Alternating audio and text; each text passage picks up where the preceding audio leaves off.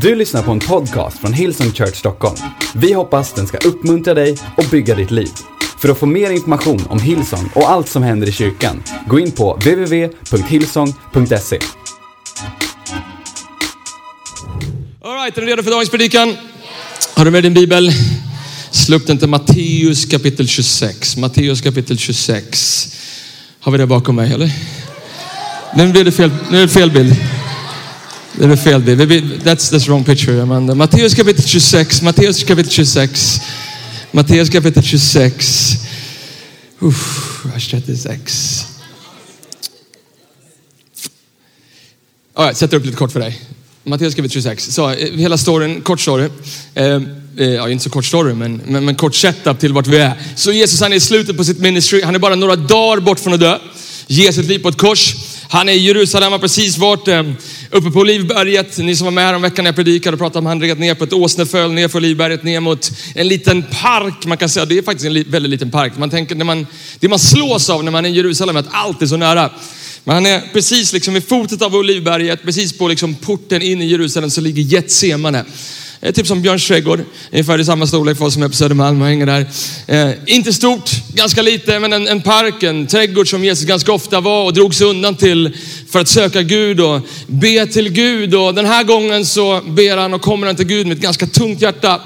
För han är på väg att göra det som han har faktiskt blivit sänd hit till jorden för att göra. I, i Johannes kapitel 18 så står det för this reason of I've come into this world, säger Jesus. För den här, det här är anledningen till att jag kommit till att ge mitt liv på ett kors för hela mänskligheten, för att rädda mänskligheten från sin synd. Så vi hoppar in i storyn. Matteus kapitel 26, vers 36 står det så här. Sedan gick Jesus med dem till en plats som kallas Getsemane. Och han sa till sina lärjungar, sätt er här medan jag går dit bort och ber. Han tog med sig Petrus och Sebedeus båda söner. Sebedeus båda söner, Jakob och Johannes. Ehm, och han greps av sorg och ångest och sa till dem, min själ är djupt bedrövad ända till döds. Stanna här och vaka med mig. Han gick lite längre fram, föll ner på sitt ansikte och bad, min far, om det är möjligt så låt den här bägaren gå förbi mig, men inte som jag vill utan som du vill. Och så står det att han kommer tillbaks till lärjungarna. De fann att han sov. De sov helt plötsligt nu. Ser du framför dig? Petrus, Johannes, Jakob. De somnar liksom. Det enda Jesus har bett dem att vara vakna. Då sa han till Petrus, så ni kunde inte vara vakna en enda timme med mig. Vaka och be att ni inte kommer i frestelse. Anden är villig men köttet är svagt. Sen gick han bort för andra gången och bad min far, om den inte kan gå förbi mig utan att jag måste dricka den så sker din vilja.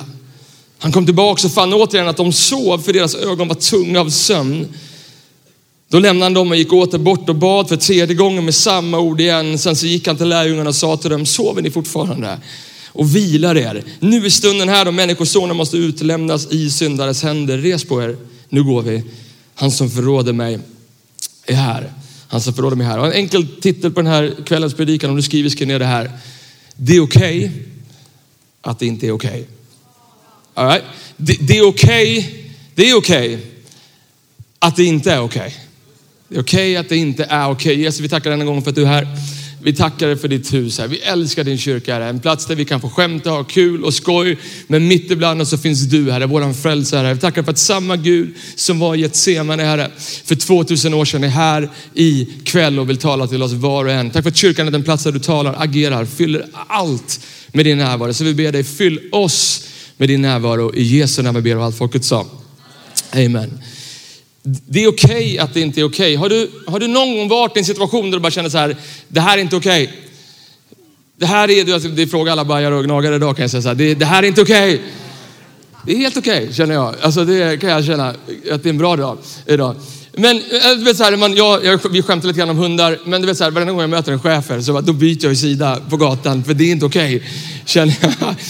Men eh, jag var nere i Sydney här eh, i förra veckan, landade i torsdags, var nere på vår Worship Creative konferens. Slogs igen av vilken förmån det är att få vara med i en kyrka som är byggt, inte bara här i Sverige utan i, runt om i världen över 30 år. Och den, liksom, the ground som vi planterade. Hur som helst, på väg hem.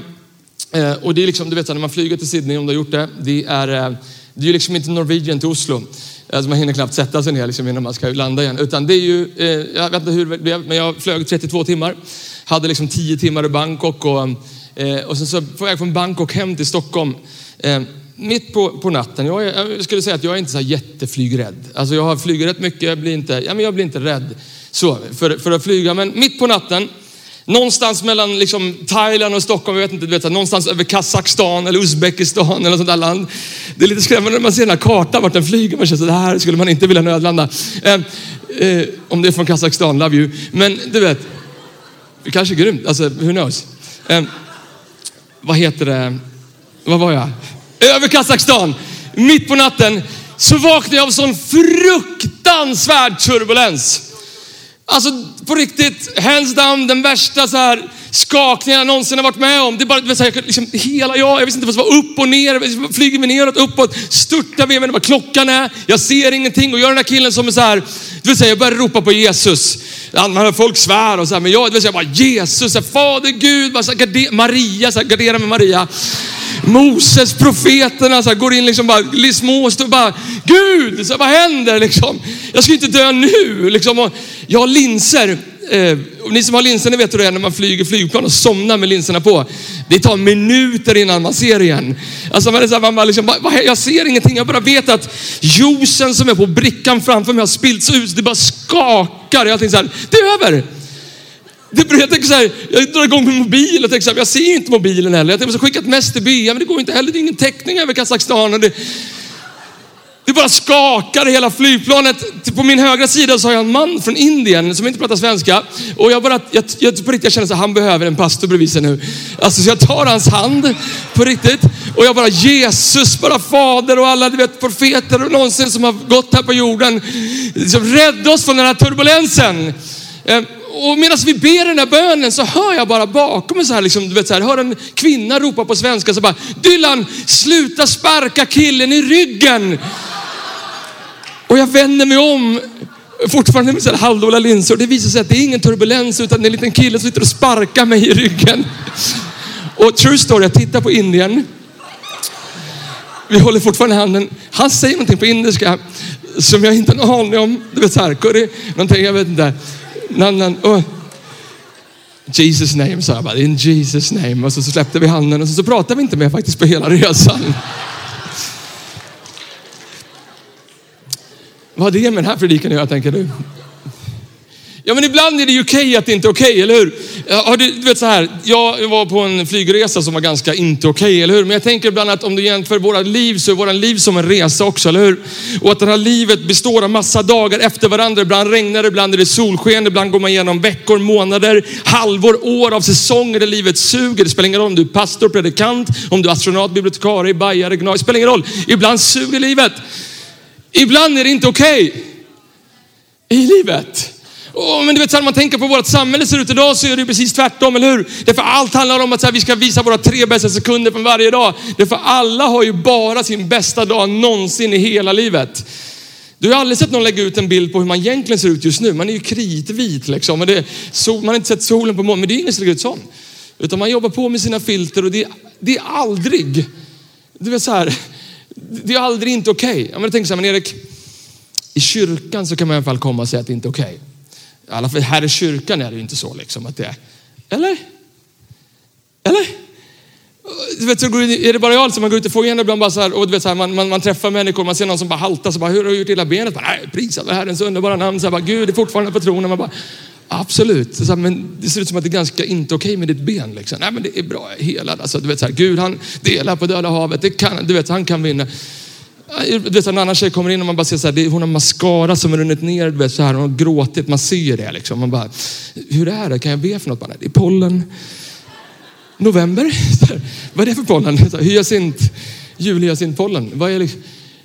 Och så blir vi experter på att fejka och vi tänker att vi kanske måste fejka i, i kyrkan också. Att vi inte kan säga ibland att det inte är okej. Okay. Kyrkan är känd för massa bra saker. Vi står upp för det som är rätt. Vi står upp för de fattiga. Vi predikar glädjens budskap, det glada budskapet att var den som tror på honom inte skulle gå under utan ha evigt liv. Men kyrkan, om vi ska vara riktigt ärliga ibland också, kyrkan i sig, den universal church, kan vara, ibland vara ganska bra på att fejka saker och ting.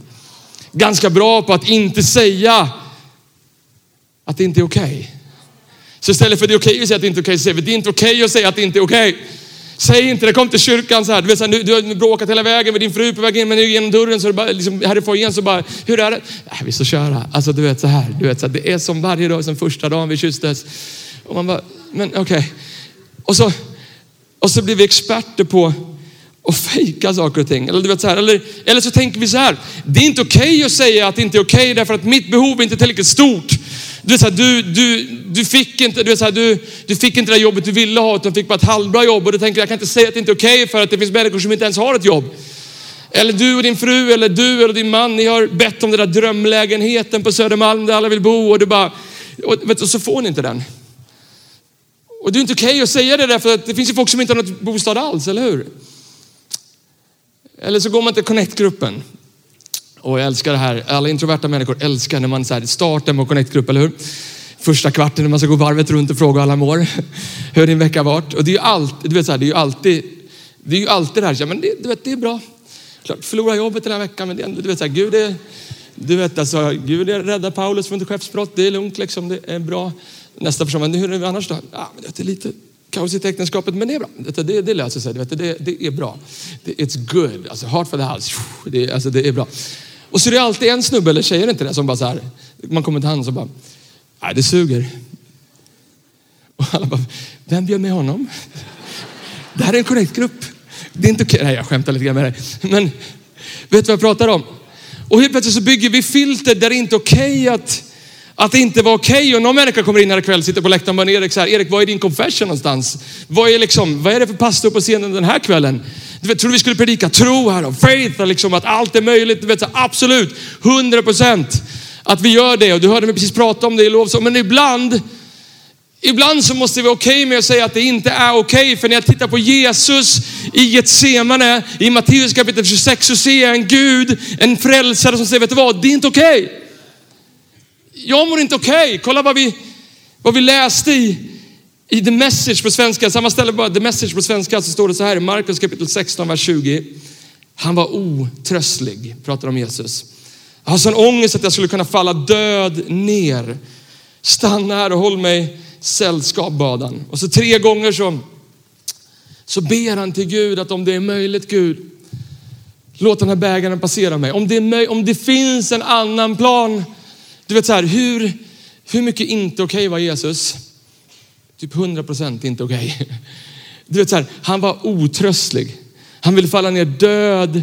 Det står annat ställe att han svettades blod av pressen och bördan på det han skulle göra. Och jag tänker i mig själv att allt Gud ville var att göra Jesus Kristus trycka på escape. Det vet den här knappen längst upp till vänster på datorn, eller hur? Escape, så här. jag drar mig ur, jag kastar in handduken, jag orkar inte mer och är det inte precis så det är ibland när vi liksom försöker dämpa ner och inte säga att det inte är okej okay till andra människor. Till slut så blir det så stort att vi bara vill dra oss ur. Ja? Och folk undrar, va, var kom det där ifrån? Ska de skilja sig nu? Va? Jag tror de vill säga därför att kanske vi inte varit okej okay med att säga att det inte är okej okay till människor ibland. Utan vi försöker liksom måla upp någon form av fasad. Men Jesus gjorde ju inte det. Jesus målade inte upp någon fasad. Han var ju, han var ju äkta, det var ju Gud själv. Hur mycket mer borde inte du och jag göra det? Men så här, vi trycker ner det och helt plötsligt så, du vet, så, här, så börjar missbruk uppstå. Liksom bakom stängda dörrar och vi dricker för mycket eller vi, liksom, vi börjar skära oss eller vi går in på toaletten, stoppar fingrarna i, liksom, i halsen och spyr upp våra mat. Och så, så, men vi säger inte någonting till någon annan. Och vi tänkte så här, för det kan inte vara okej okay att säga att man inte är okej. Okay. Men när jag läser istället så läser jag om en Jesus som säger att det inte är okej okay med honom. Se det framför dig. Du vet så här, han har, det står att han är med 12 pers. Helt plötsligt så tar han tre personer. Han tar Petrus, Jakob och Johannes. Han säger, vi lite längre in med mig. Och så säger han till dem, grabbar, bara stanna vakna lite tag. Ni vet att typ det jag kommit hit för jorden att göra, det ska hända snart. Bara be och vaka, var med mig. Han grundar några, jag vet inte, Getsemane är litet. Jag tror bara typ 100 meter kanske. 50-100 meter. Han går och ber och så kommer han tillbaks. Och vad, vad ser han? De sover, eller hur? Jag läser ingenstans att han, att han väcker Jakob eller Johannes. Men jag ser att han, att han väcker Petrus. Jag ser det framför mig. Bara, men Petrus, jag sa ju till dig. Alltså jag sa ju till dig. Jag, hur mycket jag inte har haft ditt rygg tre år. Jag bad om en enda sak Petrus. Här. Bara stanna upp och vaka och be med mig. Jag bara ser mig framför mig. Petrus precis som mig på flygplanet. Bara med linserna helt fel. Bara, I'm sorry man. Alltså Jesus förlåt. Alltså förlåt. Love you Jesus. Bara, absolut. Bara, jag, jag lovar jag ska vara vaken. Bara, alltså sorry. Bara, du vet, han är helt morgonvaken. Okej, bra, stanna här Petrus. Och Jesus går undan igen och han fortsätter att be så att han svettas blod. Han säger, Gud om det är möjligt, låt den här bägaren passera mig, låt den gå förbi mig. Inte som jag vill, som du vill. Han kommer tillbaks. Den här gången så sover alla tre igen. Och den här gången så står det inte ens att Jesus försökte väcka dem. Så Jesus gick från att inte bara vara inte okej, okay, utan gick han till att vara sårad också. För hans bästa vänner, han som han, liksom de som han verkligen behövde, hade hans rygg i den här stunden. De valde att sova igen. Och så står det att tredje gången han går till så går han tredje gången till Fadern och ber den där bägaren passera, men inte som han vill utan som, som Gud vill. Han kommer tillbaks och det står att han blir fängslad och bara några dagar senare så blir han korsfäst för dig och mig. Men jag tänker så här när jag läser storyn. Du kanske inte sett den storyn, du kanske sett det förut så här. Men jag läser den här storyn så har sett den helt nya ögon. Men om det var så att jag liksom efter den här turbulensen på riktigt inför Herren, jag gjorde predikan du vet så här, efter Kazakstan på flyget. Eh, var, jag, jag, läste det på ett nytt sätt och jag tänkte för mig själv, wow, jag har sett allt det där med liksom att låt bägaren passera, låt allt, du vet, jag, jag har sett det, jag har hört det predikas för mig. Jag har hört om priset han betalade, han svettades blod och pressen, men men jag kanske inte sett på samma sätt hur transparent Jesus är med att han inte är okej. Okay. Hur ärlig han är på att jag är inte på en bra plats. Inför Gud, inför sina vänner, inför sig själv så är han ärlig med hur han mår. Som Jesus inte är okej, okay, hur mycket mer är det inte okej okay för dig och mig att inte vara okej? Så, tre saker. Tre saker som du och jag ska göra när vi inte är okej. För det är inte så att Gud vill att vi ska stanna i ett, liksom ett stadie där vi inte är okej. Okay. Han vill att vi ska må bra, eller hur? Han vill ju gå med oss genom dödsskuggans dal, eller hur? Så punkt nummer ett om du skriver. Säg sanningen till Gud. Allting börjar med, allting börjar med att säga sanningen till Gud. Det finns en kraftig positiv bekännelse, absolut. Jag kan göra hundra podcast de sista två åren från vår hemsida där vi predikat om det. Absolut, men det är inte den här predikan. Den här predikan är om om, och ibland också faktiskt, eller alltid säga sanningen till Gud. Vet du de här människorna som ber till Gud och de bara, åh store Gud, att du är här. Åh, vi prisar ditt namn Herre. Jag tänker ibland att Gud tänker så här bara, är det några fler i rummet eller är det bara du och jag just nu? Åh, oh, jag drar upp mot dig. Du vet, okay, men varför pratar du så där? Tänker jag ibland att, att Gud tänker. Jag, hade, jag tror Gud vill att vi ska prata. Jag hade jag, hade en, eh, jag bodde på Tempus. Tempus är ett studentboende i... Eh, kom on, shoutout till alla som bor på Tempus. Kom on, hand upp om du någonsin har bott på Tempus. Ja, oh, yeah, kom on. Det finns en speciell smörjelse där på Tempus. Ett kristet studenthem. Jag vet inte om det, hemmet är väl inte kristet, men det bor ganska många kristna människor där. Och en grej som är speciellt med Tempus är att menar, de hade väl inte så mycket budget när de byggde det, så det är så fruktansvärt tunna väggar mellan rummen. På riktigt, han jag bodde bredvid, jag hörde när han släckte sin lampa så här. Då vet jag tydligen. Jag hörde han snarka, kan säga, alla saker jag hörde också. Det är inte bra ska jag säga. Det är, men han hade så skön dialog med Gud. Så han kunde vara så bara, Gud stanna kvar, jag ska bara gå och mikra på lite grann panpizza. Du vet, så här, Gud kommer snart, jag ska bara fixa en grej. Jag bara, helt vanligt. Och ibland, ibland, eller ganska ofta, faktiskt varje morgon, så duschade han på morgonen och då, då var han så här, då hade han en enda bön. Om att få en fru om du är inne så I love you. Alltså för att du har verkligen lärt mig hur man ska be. För att han bara satt och bara, Gud! Var min fru? Bara, du ska inte nästa år, det här året Gud. Hör vad jag säger. Gud, Gud ska ha en fru. Jag tänkte för mig själv, bara, kanske en flickvän innan du får en fru. Du vet, en fru! Okej. Okay.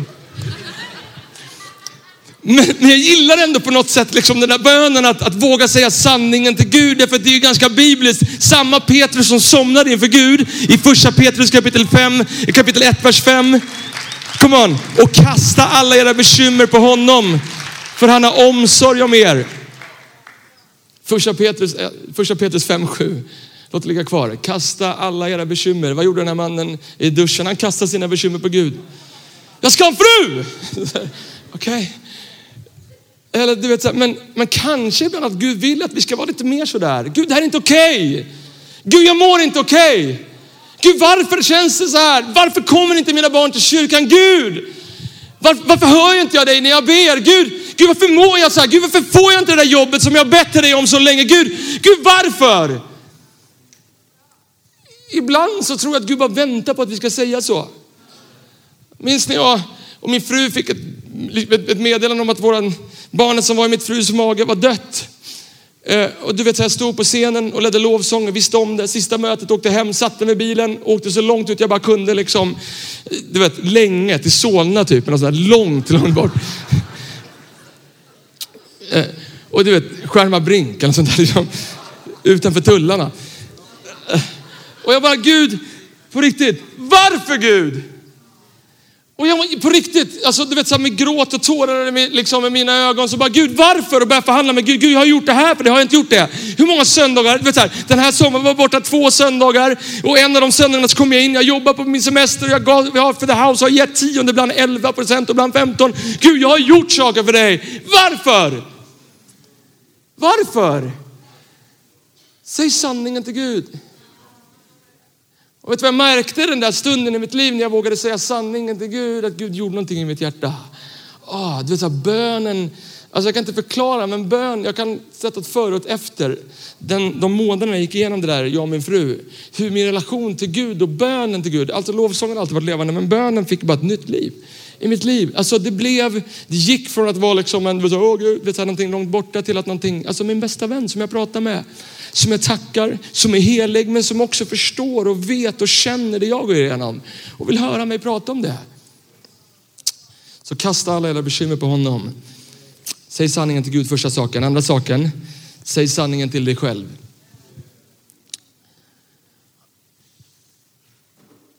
Häng med på det här, för i morse var det var djupt i morse. Alltså de folk, här gick en del människor för det var så djupt. Eh, men, eh, men det är så här, jag tänker så här, Gud är tre i ett, eller hur? Häng med nu Tisha. Kommer, det finns folk bredvid Erik Tisha som kan berätta för dig vad jag menar. Så Gud är tre i ett. Vi pratar om att han är en treende Gud. Vi tror att Gud är Fadern som har skapat himmel och jord. Vi tror att Gud är sonen som gav sitt liv på ett kors för mänskligheten, offerlammet. Vi tror att Gud är den helige ande som är hjälparen, Gud, Gud här i våra liv nu. När Jesus gick upp till himlen så gav han oss hjälparen. Så Gud är treet. Det innebär att Gud på ett sätt talar till sig själv i det här stället. Jag vet, det är djupt. Det ska bara landa och Tischler här. Men, men du vet, för Gud sonen pratar ju med Gud fadern. Men det innebär att Gud är treenigt, så Gud, Jesus pratar ju med sig själv på ett sätt. Hänger ni med? Han, gör det, han pratar ju med sig själv här när han säger Gud om det är möjligt. Låt den här bägaren passera mig. Gud, jag är inte okej. Okay. Han pratar till sig själv och säger Jesus, jag är inte okej. Okay. Gud, jag är inte okej. Okay. Och ibland tänker jag att det är exakt ett av de största problemen 2019. Där alla människor ska försöka passa in i någon form av så här box och där man, där man försöker se ut på ett visst sätt och man vet knappt vem man själv är därför att man har liksom manipulerat sanningen så länge. Och man säger saker inte som man själv känner utan som man tänker att andra människor vill att man ska säga. Och man tänker jag kan inte göra det för då kommer de tycka att jag är konstig eller att jag är utstött. Men vad borde de tycka att jag skulle säga? Och så säger man det. Och helt plötsligt så blir man den människan. Man vet inte längre vem som är en själv. Man hittar inte ens sig själv i allt det där och allt är bara helt flippat. Ja? Yeah? Och man slutar säga sanningen till sig själv för det är viktigare att liksom bygga upp någon form, form av fasad mot andra människor. Istället för att säga sanningen till sig själv. Erik, du är inte okej. Okay. Erik, du mår inte bra just nu. Och det är okej okay att du känner så. Erik, det är tufft eller det är tungt eller Erik, du vet inte exakt hur du ska ta dig igenom den här utmaningen. Det är, och det är okej okay att säga så till sig själv ibland. Att säga sanningen till sig själv och kanske att den här låtsasvärlden försvinner då.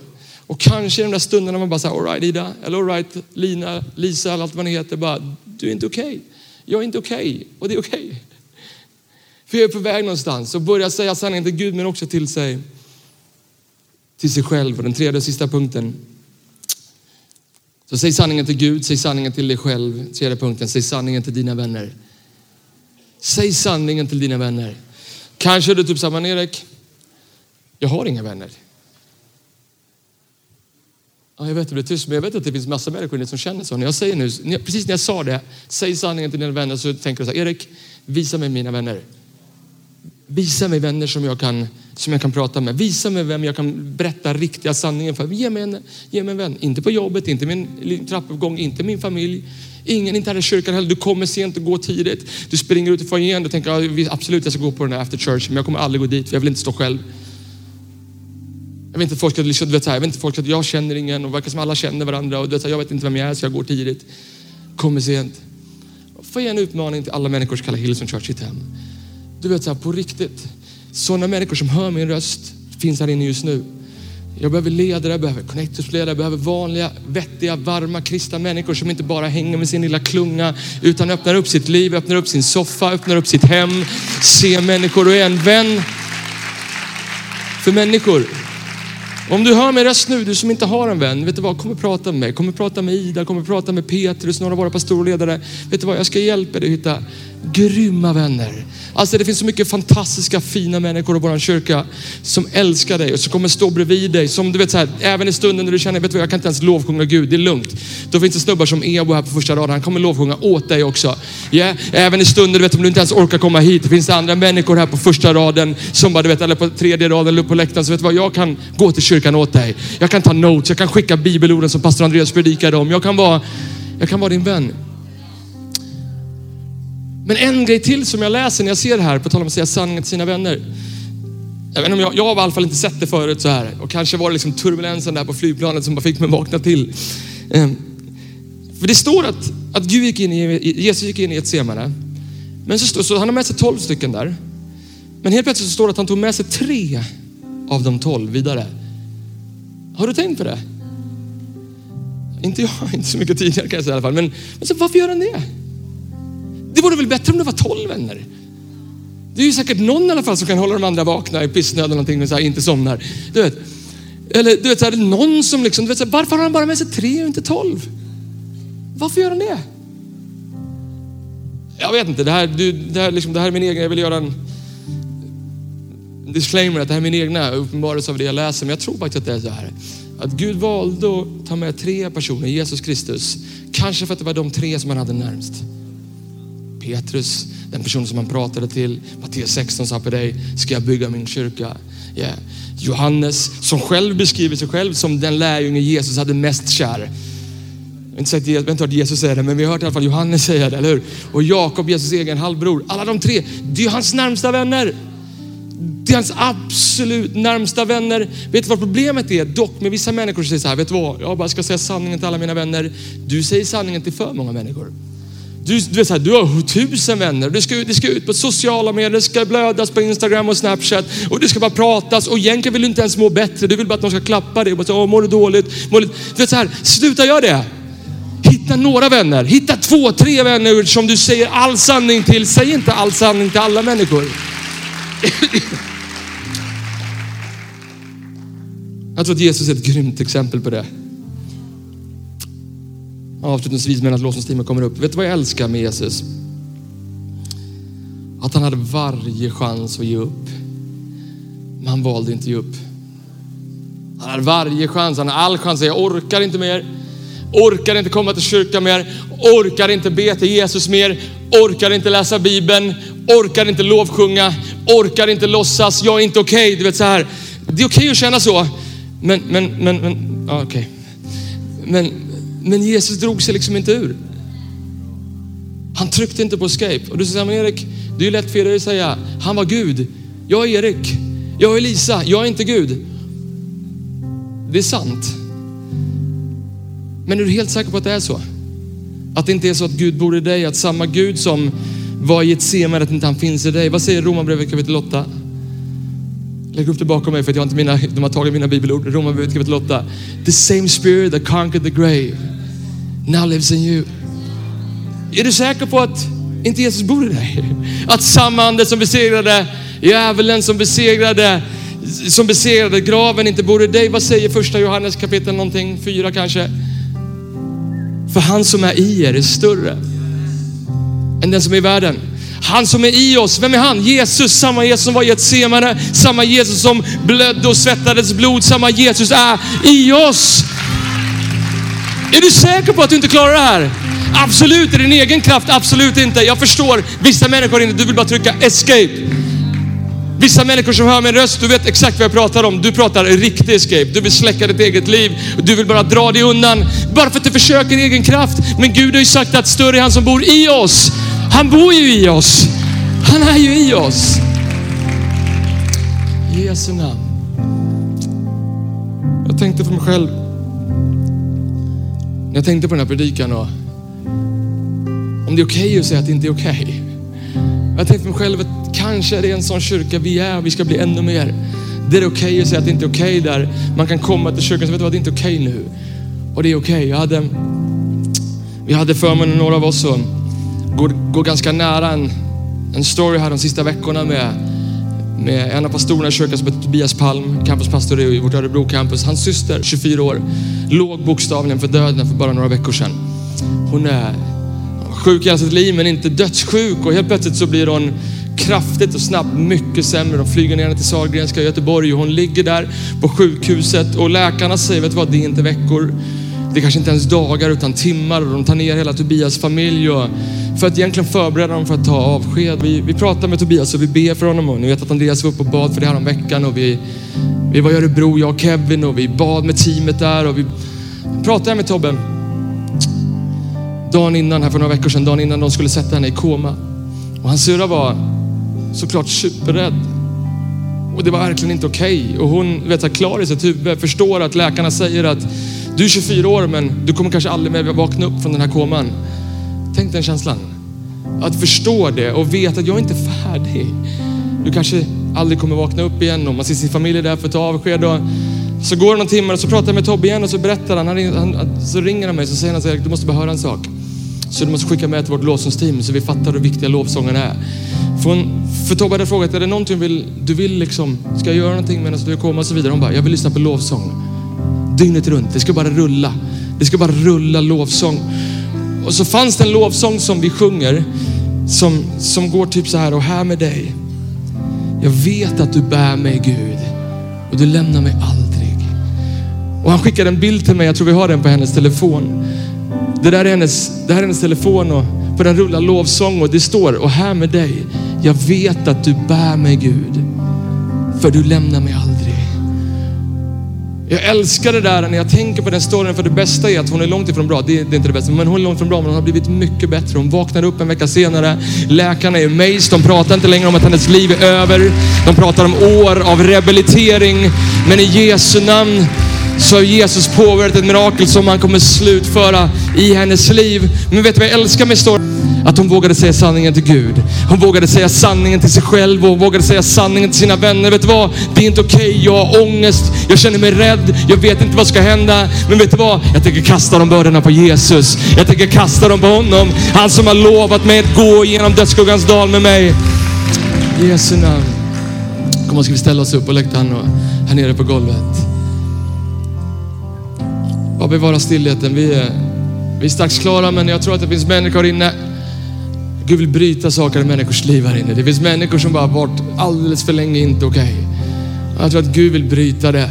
Du vet, samma Gud som, som var där i ett semane, samma Gud som dog, dog på korset, vet du vad, i en sekund så kan han förvandla din evighet. I en sekund så kan han bryta det som du har brottats med i så, så, så många år. Men jag tror att det börjar med att vi är beredda att kasta de där bördorna på Gud säga sanningen till honom och våga säga sanningen till oss själva. Halleluja. Kom vi sluta våra ögon. Upp på läktaren också. Tack Jesus, tack Jesus. Halleluja. Tack Jesus. Du har lyssnat till en podcast från Hillsong Church Stockholm. Om du vill veta mer om vår kyrka eller om våra söndagsmöten, surfa in på www.hillsong.se.